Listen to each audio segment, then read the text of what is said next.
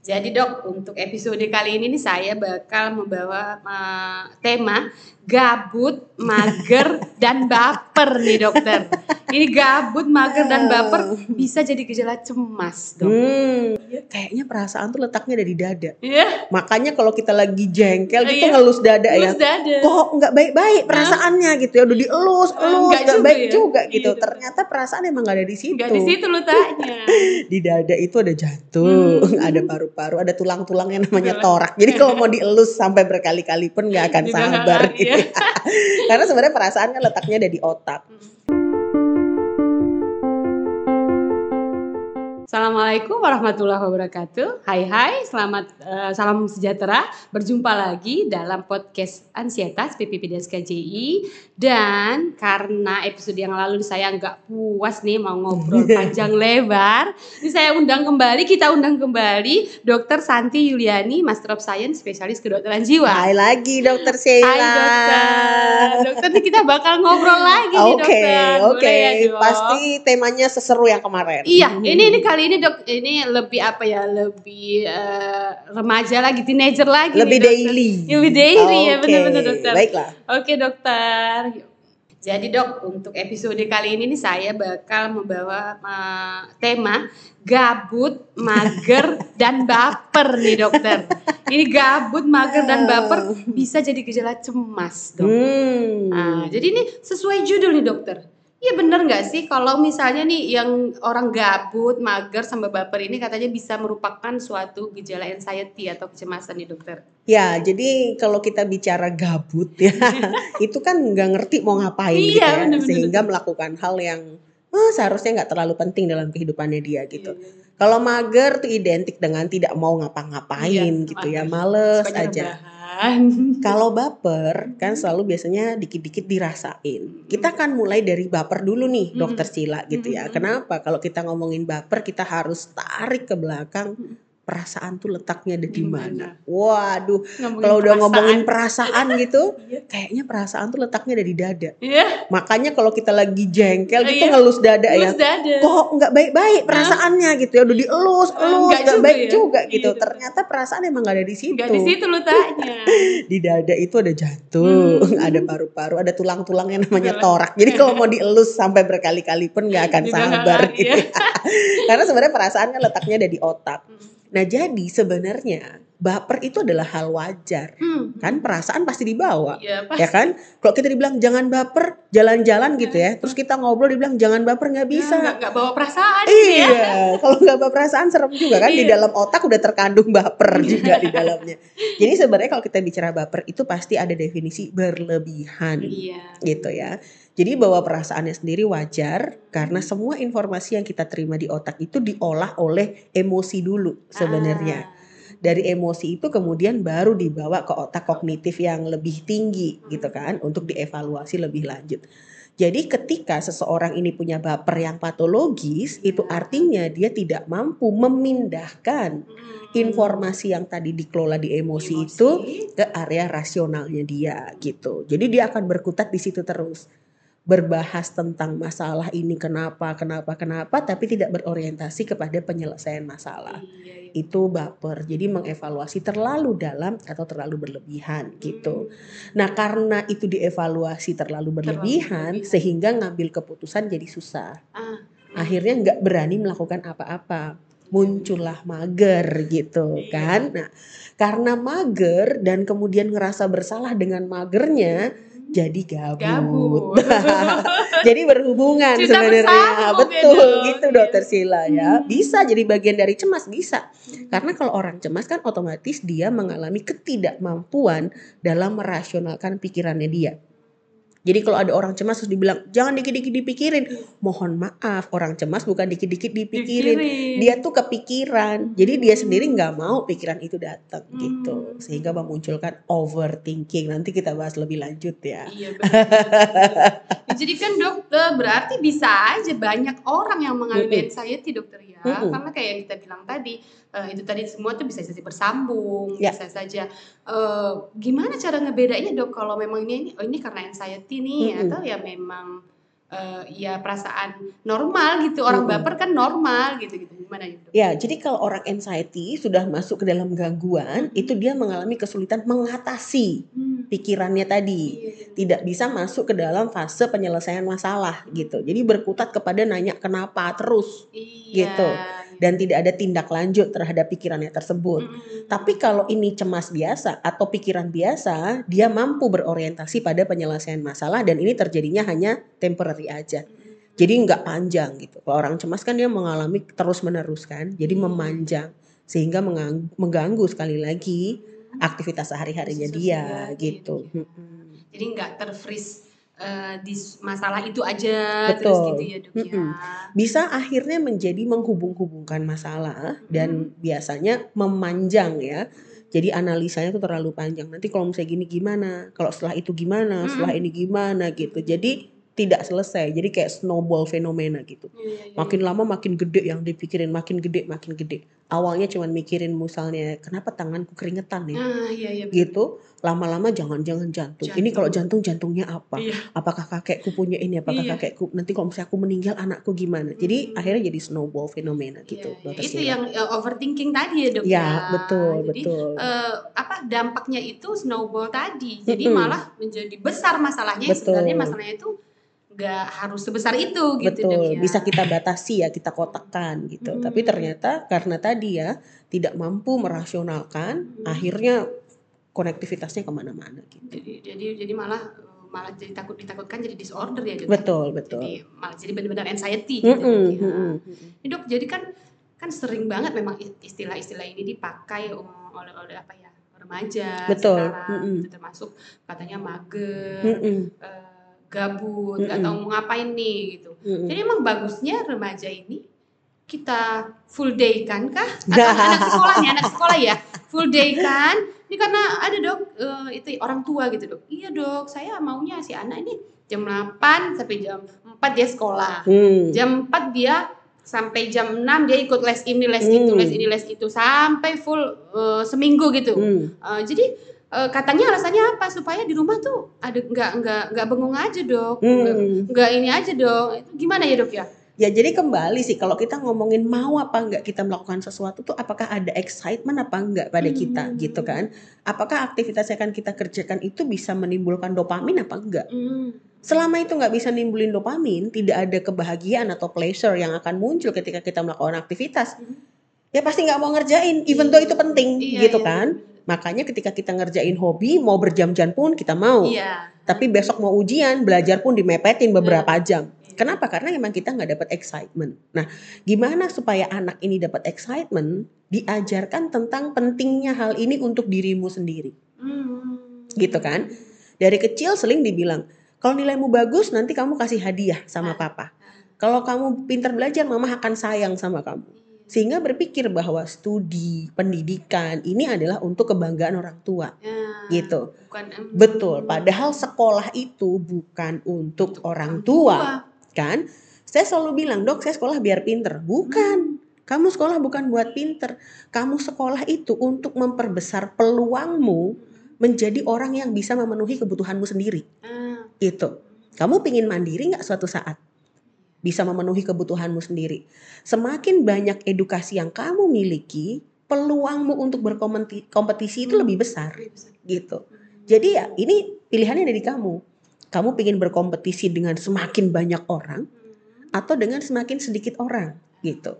Semakin mengerucut kan kita kan, kompetisinya kan berarti semakin sedikit sebenarnya Iya, gitu. iya. Karena kapasitas kita makin bagus, yang bersaing juga nggak terlalu banyak. Jadi chance-mu untuk bisa dapetin apa yang kamu mau juga gede. Gede, iya. Dan dengan kamu dapetin apa yang kamu mau, maka kamu akan dapat hal yang kamu Yang- harapkan. Iya, iya. Jadi tujuannya untuk itu. Jadi itu yang perlu disampaikan ke anak-anak. Memperbesar peluang hidup enak. Mm-mm. Memperbesar peluang untuk bisa memenuhi kebutuhanmu sendiri. Bukan buat pinter, Hmm. bukan buat apa, bukan buat prestis.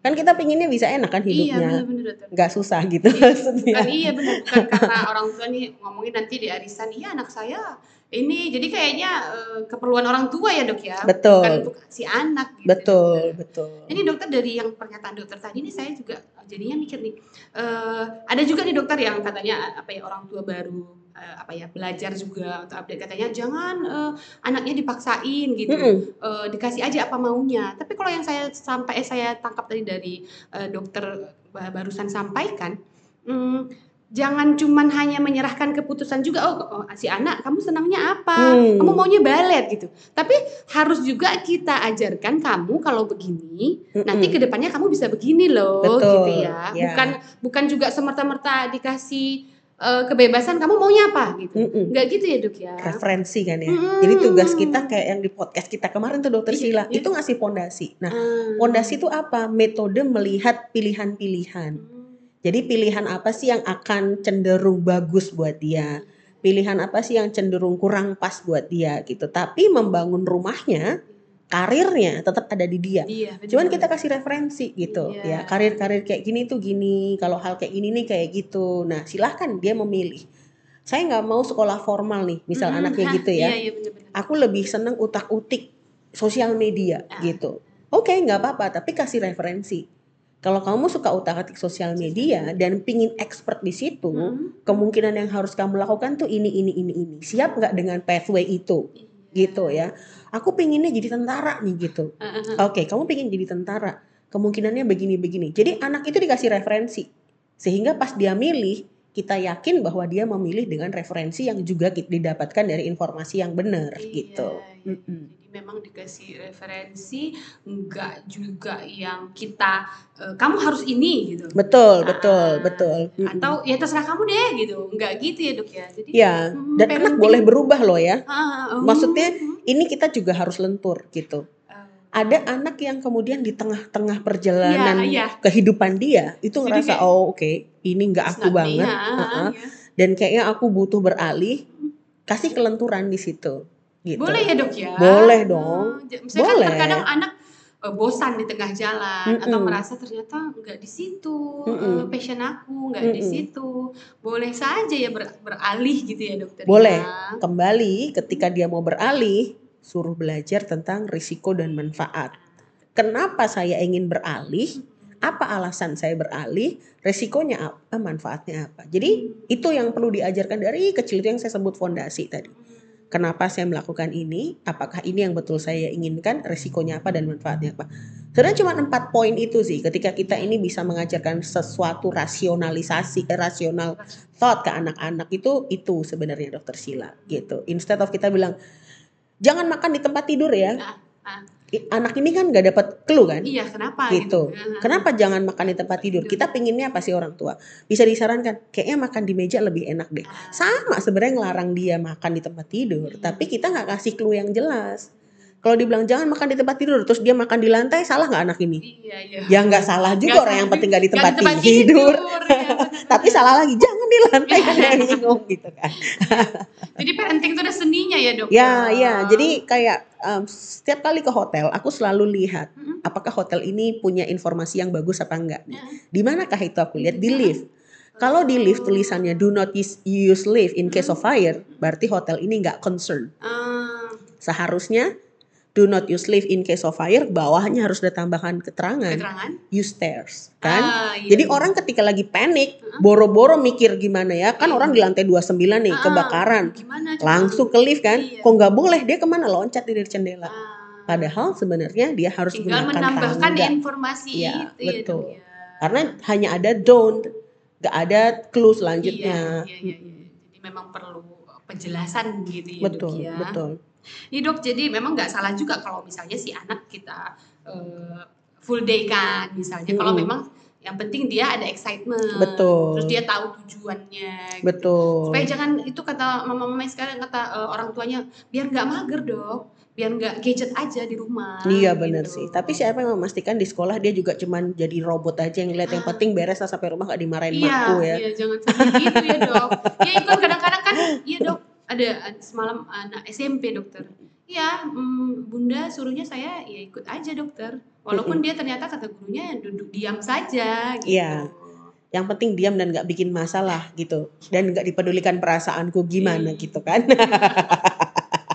ini dokter terbawa perasaan nih dokter. Ini baper dok. Betul. Eh, ini terbawa perasaan ini sebenarnya orang gampang tersinggung gitu Mm-mm. Eh, atau atau baper yang satu lagi nih dok di disenyumin dikit rasanya dia dia naksir ya sama aku Oh, gitu. Oke. Nah ini nih Ya. gimana dok? Sama- Jadi baper bisa both side ya. Mm-mm. Bisa berlebihan merespon sesuatu secara berlebihan positifnya gitu. Ah. Bisa juga ke hal negatif gitu ya. Mengkoneksikan hal yang seharusnya nggak terkoneksi.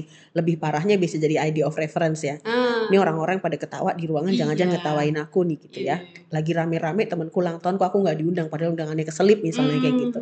Bisa juga yang tadi berpikir berlebihan ya. Oh lagi di teks apa kabar udah makan apa belum gitu ya. Iya. Kok ini perhatiannya lebih nih gitu. Lebih effort nih kayaknya. Jadi tadi kembali ketika kita mendapatkan respon mm, atau kita mendapatkan aksi Mm. dari luar, itu kan kita pasti akan bereaksi secara emosional terlebih dahulu. Karena memang survival kita kan begitu. Iya. Nah, problemnya juga bagaimana referensi di otak bagian depan kita terhadap hal-hal itu, Mm. gitu. Ketika seseorang ini punya referensi hal buruk terhadap statement-statement seperti itu, misalnya senyuman kecil ya. Ini dia pernah mendapatkan senyum kayak gitu ketika dia kecil, artinya adalah dia tidak disukai, maka otomatis dia akan mengkonekkan itu. Iya. Metode otak itu kan mengkonekkan informasi ke informasi yang Yang lain lain. berdasarkan kemiripannya kan dokter Sila. Jadi kita nggak bisa bilang gitu aja kok baper, nggak Ah. bisa. Referensi kita beda, Beda. gitu kan. Buat saya ngelihat makanan pedas itu adalah suatu kenikmatan luar biasa Iya. Karena enak makan kalau pedas. Tapi Kalau untuk orang yang pernah diare, Hmm, ya dia punya gastritis, nah artinya. artinya kan beda, beda rangsang, beda stimulus, itu beda Beda. responnya. Nah, termasuk itu tadi, ketika seseorang itu juga lack ya atau justru kekurangan di satu poin atau dua poin dalam kehidupannya dia dan dia mendapatkan sedikit saja mungkin pengharapan, dia bisa over excited gitu ya dengan hal itu. Contohnya tadi ditanya udah makan atau belum, dia Hmm. ngerasanya kayak wah diperhatiin nih. Iya. Jadi bikin dia jatuh cinta, itu juga bisa terjadi. Jadi bisa both way. bisa Mm-mm. keduanya dok ya. Betul. Tapi eh, ya secara ininya berarti kita harus berpikir positif nih dokter. Hmm. Jangan juga yang berlebihan, jangan juga yang pesimis sama semua orang nih kalau ini dia niatnya jahat sama aku, dia nggak suka sama aku. Hmm. Dan positive thinking itu kan nggak bisa serta merta didapat. Kamu harus positive thinking gitu, Hmm. nggak bisa tiba-tiba dok. Mm-mm. Gimana ya cara melatih Ya. ini dok? Jadi kem- thinking. kembali lagi ya porsi gitu. Kalau aku bilang itu bukannya kita nggak boleh selalu positif. Hmm. Positif itu baik, tapi kasih juga kesempatan untuk emosi lain itu ada gitu dokter Sila. Contoh kalau kita bicara berpikir positif terhadap satu peristiwa buruk itu gimana caranya? Iya. ada positifnya kan ya, ya kan? Iya. Tapi bagaimana kita melihat ini dari sisi yang rasionalnya gitu. Oke, sekarang ini kondisinya ada masalah sama aku gitu. Aku harus melakukan apa untuk mengatasi perasaanku. Ini bukan berpikir positif kan? Iya. Tapi tidak merespon ini secara negatif, meraung-raungi kondisinya gitu. Sama dengan tadi yang dokter Sila tanyakan, bagaimana supaya tetap bisa berpikir rasional ya saat ngalamin baper kayak gitu tadi ya, memberikan jeda dokter Sila. Hmm. Jangan memberikan reaksi atau respon yang terlalu cepat terhadap apa pun. Oh, jadi Gitu. mungkin lebih dianalisa dulu ya dok ya. Betul. Jadi Saya- perpindahan dari emosi ke rasional itu butuh beberapa waktu. Makanya kalau kita tersinggung tadi misalnya ya atau ngerasa nggak nyaman tuh tarik nafas dulu sebentar, iya, jangan langsung respon. Itu sebenarnya ngasih kesempatan supaya ada konektivitas iya. dari primitif ke Ke- neokorteks tadi Iya. untuk bisa berpikir. Jadi sebenarnya jeda. Jeda, jeda. Saya selalu bilang empat hitungan minimal, lima Hmm. hitungan. Apalagi kalau kita lagi ardu argumen ya, Iya benar. lagi merespon pujian, itu pun juga kasih jeda Perlu. gitu loh. Supaya kita nggak terlarut dalam pikiran-pikiran yang ada di dalam referensi kita sendiri tanpa ada counter yang bermakna sehingga bisa membuat kita tetap rasional gitu. Hmm, Jadi lebih tepatnya berpikir rasional ya dok ya. Mm-mm, Karena kayak mm-mm. dokter bilang ya berpikir positif pada saat kita sedang musibah ya susah juga. Coba gitu. ini lihat hikmahnya ya orang tuamu cuman satu kan yang Iya. meninggal untung nggak dua-duanya Ah, enak banget orang tua meninggal satu aja itu Iya, udah berat banget ya kayak misalnya kejadian gempa kemarin terus hmm, dibilang hmm, mungkin ini adalah metode Tuhan mendekatkan kamu padanya loh emang orang yang kena musibah ini nggak dekat pasti- sama Tuhan pasti ini gitu Kan? ya. Ah, bener, ini mungkin peringatan dari Tuhan atas dosa-dosamu emang ada dosa gitu ya. Artinya kita menggunakan metode yang niatannya seakan-akan supaya orang ini lebih berpikir religius dan Hmm. positif, tapi ini toksik Iya, gitu. benar-benar. Membuat orang itu ngerasa oh ya berarti ini hukuman. Iya. jadi depresi kan? Iya benar. Oh ya mungkin selama ini aku ternyata banyak dosa. Ah. Nah, akhirnya menjadi ini. Tapi kita memberikan dukungan bukan untuk memaksa positif tapi penerimaan. Oke, ini mungkin berat ya. Kamu butuh waktu untuk mencerna. Kamu sedih itu wajar kan? Apabila butuh bantuan sampaikan. Jadi afirmasinya lebih bagus. Jangan gampang banget. Judgmental ya. Iya. Ambil hikmahnya. Ambil kasihan hikmah ya lama-lama habis loh tiap saat diambil terus. Heeh. Dan dia training kalau musibah ya. Bener dokter. Jadi memang harus diajarkan hal-hal seperti itu dokter. Jangan nanti salah kaprah ya. Terkadang gini dok kan eh, apa ya kebaperan kita itu terkadang eh, oleh orang lain gitu yang nggak tahu sebenarnya saya butuhnya sekarang bukan kalimat itu. Betul. Saya butuhnya eh, sekedar didengarkan. Butuhnya mm, eh, sekedar eh, di, di, di, dikuatkan, Betul. bukan bukan malah diajari gitu ya dok ya. Bukan dinasehati. iya dokter, bukan Iya. dinasehati. Dan perlu jeda itu tadi ya dok ya. Betul banget. Karena Hmm. gini template ya kayaknya ini template. Ketika ada orang yang kena musibah atau ada kesulitan terus dia curhat gitu. Iya. Seakan-akan kita dipaksa jadi motivator tingkat internasional gitu ya. Datang tuh harus jadi motivator tingkat Iya. kamu coba lihat sisi positifnya. Hidup tuh harus semangat segera bangkit. Sedih aja belum kelar disuruh Iya, bangkit ya. Disuruh itu bangkit. bangkit. cari di mana tuh kan? Susah banget. Jadi hal-hal kayak gini lah kita seakan-akan dituntut untuk jadi seorang motivator ketika ada orang sedih. Nggak ada yang nyuruh kok gitu. Orang sedih orang lagi putus asa orang lagi merana karena kondisi musibah tuh butuh didengerin ada orang di sebelahnya ketika dia butuh nangis itu lebih cukup untuk dia daripada diberikan nasihat apalagi membandingkan Iya, benar. musibah yang pernah oh Si kamu mending ya gempa cuman rumahmu Iya. doang yang hilang aku loh tanah rumah sawah dan lautan gitu ya. malah Iya. bersaing permasalahannya Jadi respon untuk eh, apa ya dokter ya? Me- bereaksi dengan emosi orang lain juga perlu dilatih ya dok ya. betul ya jadi saya selalu menyampaikan ketika orang mungkin nih misalnya ya benci sama kita Iya. eh, ngomongin kita di belakang gitu ya dan kemudian mm, kita membawa itu ke dalam evaluasi diri salahku apa Hmm. dan nggak ketemu itu emang nggak ada yang perlu ditemukan gitu. Memang ada orang yang mungkin metodenya adalah dengan memproyeksikan kebenciannya dia ke kita Ah. dengan cara begitu. Jadi ya bukan kita terus Bukan dibilang berarti kitanya yang salah ya dok ya. betul, nggak selalu begitu. Jadi bisa saja memang ada yang metodenya seperti itu. Jadi nggak selalu harus aku baper nggak ya kalau misalnya gini aku ini nggak ya enggak lah.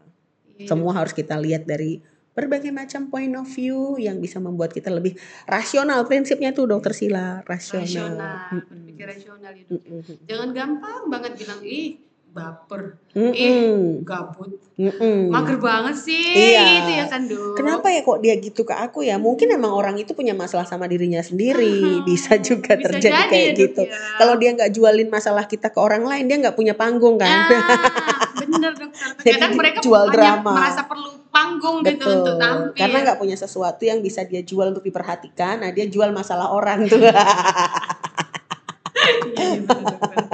Iya, ini dok, ini sebagai eh, penutup nih dokter. Kalau nggak kelanjutan nih dokter. Em, ngalor ngidul ke mana ini? Ya. Oke dokter, kalau misalnya nih ada nggak saran kegiatan eh, karena kita saat ini kita kan apa ya eh, apa sasarannya nih eh, generasi minea- Oh, milenial iya. gitu, generasi Z sekarang Gen Z. Iya, jadi ada nggak kegiatan yang kira-kira eh, bisa bermanfaat atau bisa eh, membantu mental health seseorang itu lebih kuat gitu, lebih Hmm. sehat gitu ya dok ya? Ya, kita ngomongin dari sisi biologi dulu ya, Mhm. Dokter Sila ya. Sebelum kita ngomongin psikologis, kembali lagi bahwa perasaan kita itu letaknya ada di otak. Mm-mm. Berpikir rasional juga letaknya di otak. Jadi perbaiki dulu kondisi otaknya supaya kita bisa sehat secara mental. Yang Iya. pertama, cukupi oksigen ke otak dengan cara apa? Aktivitas fisik. Iya. Ya kan? Kemudian sunshine. Sinar matahari ini bagus banget Penting untuk ya, metabolisme serotonin kan. Hmm. Jadi sinar matahari harus cukup. Gak hanya Paling nggak- pencegahan COVID ya berarti dokter Betul ya. Benar, banget. benar, Aku seneng banget sih kemarin hikmah pandemi. Hikmah, selamat datang hikmah ya. Hikmah pandemi. Itu adalah sinar matahari ternyata Hmm. penting ya buat kita Iya. ya. 15 sampai 20 menit sehari itu penting banget untuk metabolisme serotonin. Pastikan cairan kita juga tercukupi. Kenapa? Karena otak kan 85% Cair. air kan Iya, ya. benar. Jadi harus dibutuhin, harus dipenuhin supaya nggak dehidrasi, supaya berpikirnya juga lebih enak gitu. Setelah itu kalau itu terpenuhi, kebutuhan nutrisi juga bagus, ya gluko glukosa juga terpenuhi dengan baik, metode berpikir rasional. Metode berpikir rasional dengan melatih tadi mencari kenapa gitu. Apakah ini betul-betul keputusan yang mau saya ambil berdasarkan risiko dan manfaat. Lalu ya tentu saja surrounding ya. Pilihlah orang-orang yang memang bisa memberikan kontribusi yang baik dalam kehidupan kita. Jadi pilih teman atau nggak pilih teman? Harus pilih teman. Udah nggak ada lagi peribahasa jangan pilih-pilih teman, temenin Hmm. semua orang nggak gitu. Pilih orang-orang di lingkaran kita yang memiliki kontribusi yang baik, yang energinya dia kasih Mhm. bisa sesuai dengan energi yang kita kasih juga. Gitu dokter Sila. Hmm, Bukan hanya sekedar oh, yang energi positif aja ya dok ya, tapi yang Iya. sesuai, Sesuai betul. dengan frekuensi kita nih dok. Mm-mm, mm-mm. Jadi bisa equal antara apa yang dia kasih dan kita kasih supaya nggak terjadi yang namanya ketidakseimbangan energi itu. Karena kalau dia ngasih banyak kita enggak, kita juga jadi dependen kan. Iya benar. Itu juga nggak bagus Nggak gitu. bagus ya. Mm. Bisa jadi toksik juga dokter Betul, ya. betul, betul, betul. Dan ini satu lagi nih dok, eh, apa? ja- Jadi nggak hanya jargon nih hidup sehat, hidup sehat, tapi udah tahu nih kalau misalnya memang otak itu perlu oksigen, Ya, matahari itu ada fungsinya. betul. Jadi balik lagi ke situ tadi, jangan cuma kamu harus berjemur, pokoknya tapi nggak tahu kenapa. gitu, Betul, dokter, ya. iya. Bukan karena lagi musim kulit coklat ya, tapi di Indo kayaknya ya. enggak. Nanti juga kan dibahas di akhir-akhir closing biasanya dokter silakan bilang tiada kesehatan. tanpa kesehatan. Benar, dokter. Dok, seru sekali nih. Pasti selalu seru sama dokter Sheila Ih, ya. sama dokter dia Hostnya, hostnya keren banget Oh, omongannya nih kayaknya apa ya dokter eh, nyeritain satu saya aduh duh, nanya nih banyak banyak yang mau ditanyakan gitu dokter jadi jadi kayaknya seru Hmm. seru aja gitu dokter ngobrol sama dokter Santi nih dok dok jadi kalau misalnya nih saya masih perlu eh, masih mau nonton nih dokter masih eh, lihat eh, obrolan dokter nih dokter Mhm. ada nggak medsos nih yang bisa diikutin nih di follow sama yang nonton nih dokter Oke dokter Sheila, jadi teman-teman kalau misalnya mau nonton informasi tentang kesehatan mental atau bahkan mau ngambil Mm-mm. ya konten-konten yang ada di sosmedku untuk konten edukasi silahkan for bisa free ya dok ya ngambil ya dengan Boleh, boleh. bebas Mhm. uh, supaya bisa dapat uh, metode edukasi yang lebih santai Iya. gitu ya. Visit Instagramku di @santi_psychiatry silahkan ambil konten yang ada di sana untuk kepentingan edukasi teman-teman. Wow seru nih jadi nggak perlu izin lagi ya dok ya Nggak usah ambil Udah aja nih, Dok, silahkan ya, ambil. saya mau ambil nih konten dokter Hmm, boleh ya boleh, dok? boleh, boleh. Ini, boleh nih bagi yang apa ya baru mulai mau edukasi. Mm-mm. Tingkat puskesmas malah mungkin mau Boleh, ya dok boleh, ya. boleh ya, Dok, banget. ya. Mm-mm. Oke, kayaknya lebih seru, lebih dapet nih kalau eh, nggak monoton lagi nih tipe Mm-mm. penyuluhannya gitu dokter Iya, ya. bisa lebih membumi. Oke, jadi cukup itu aja untuk episode kita kali ini. Semoga bisa bermanfaat bagi banyak orang. Kita jumpa lagi di lain kesempatan. Salam sehat jiwa, tiada kesehatan tanpa kesehatan mental. Wabillahi taufiq wal hidayah. Assalamualaikum warahmatullahi wabarakatuh. Thank you. Terima kasih dokter.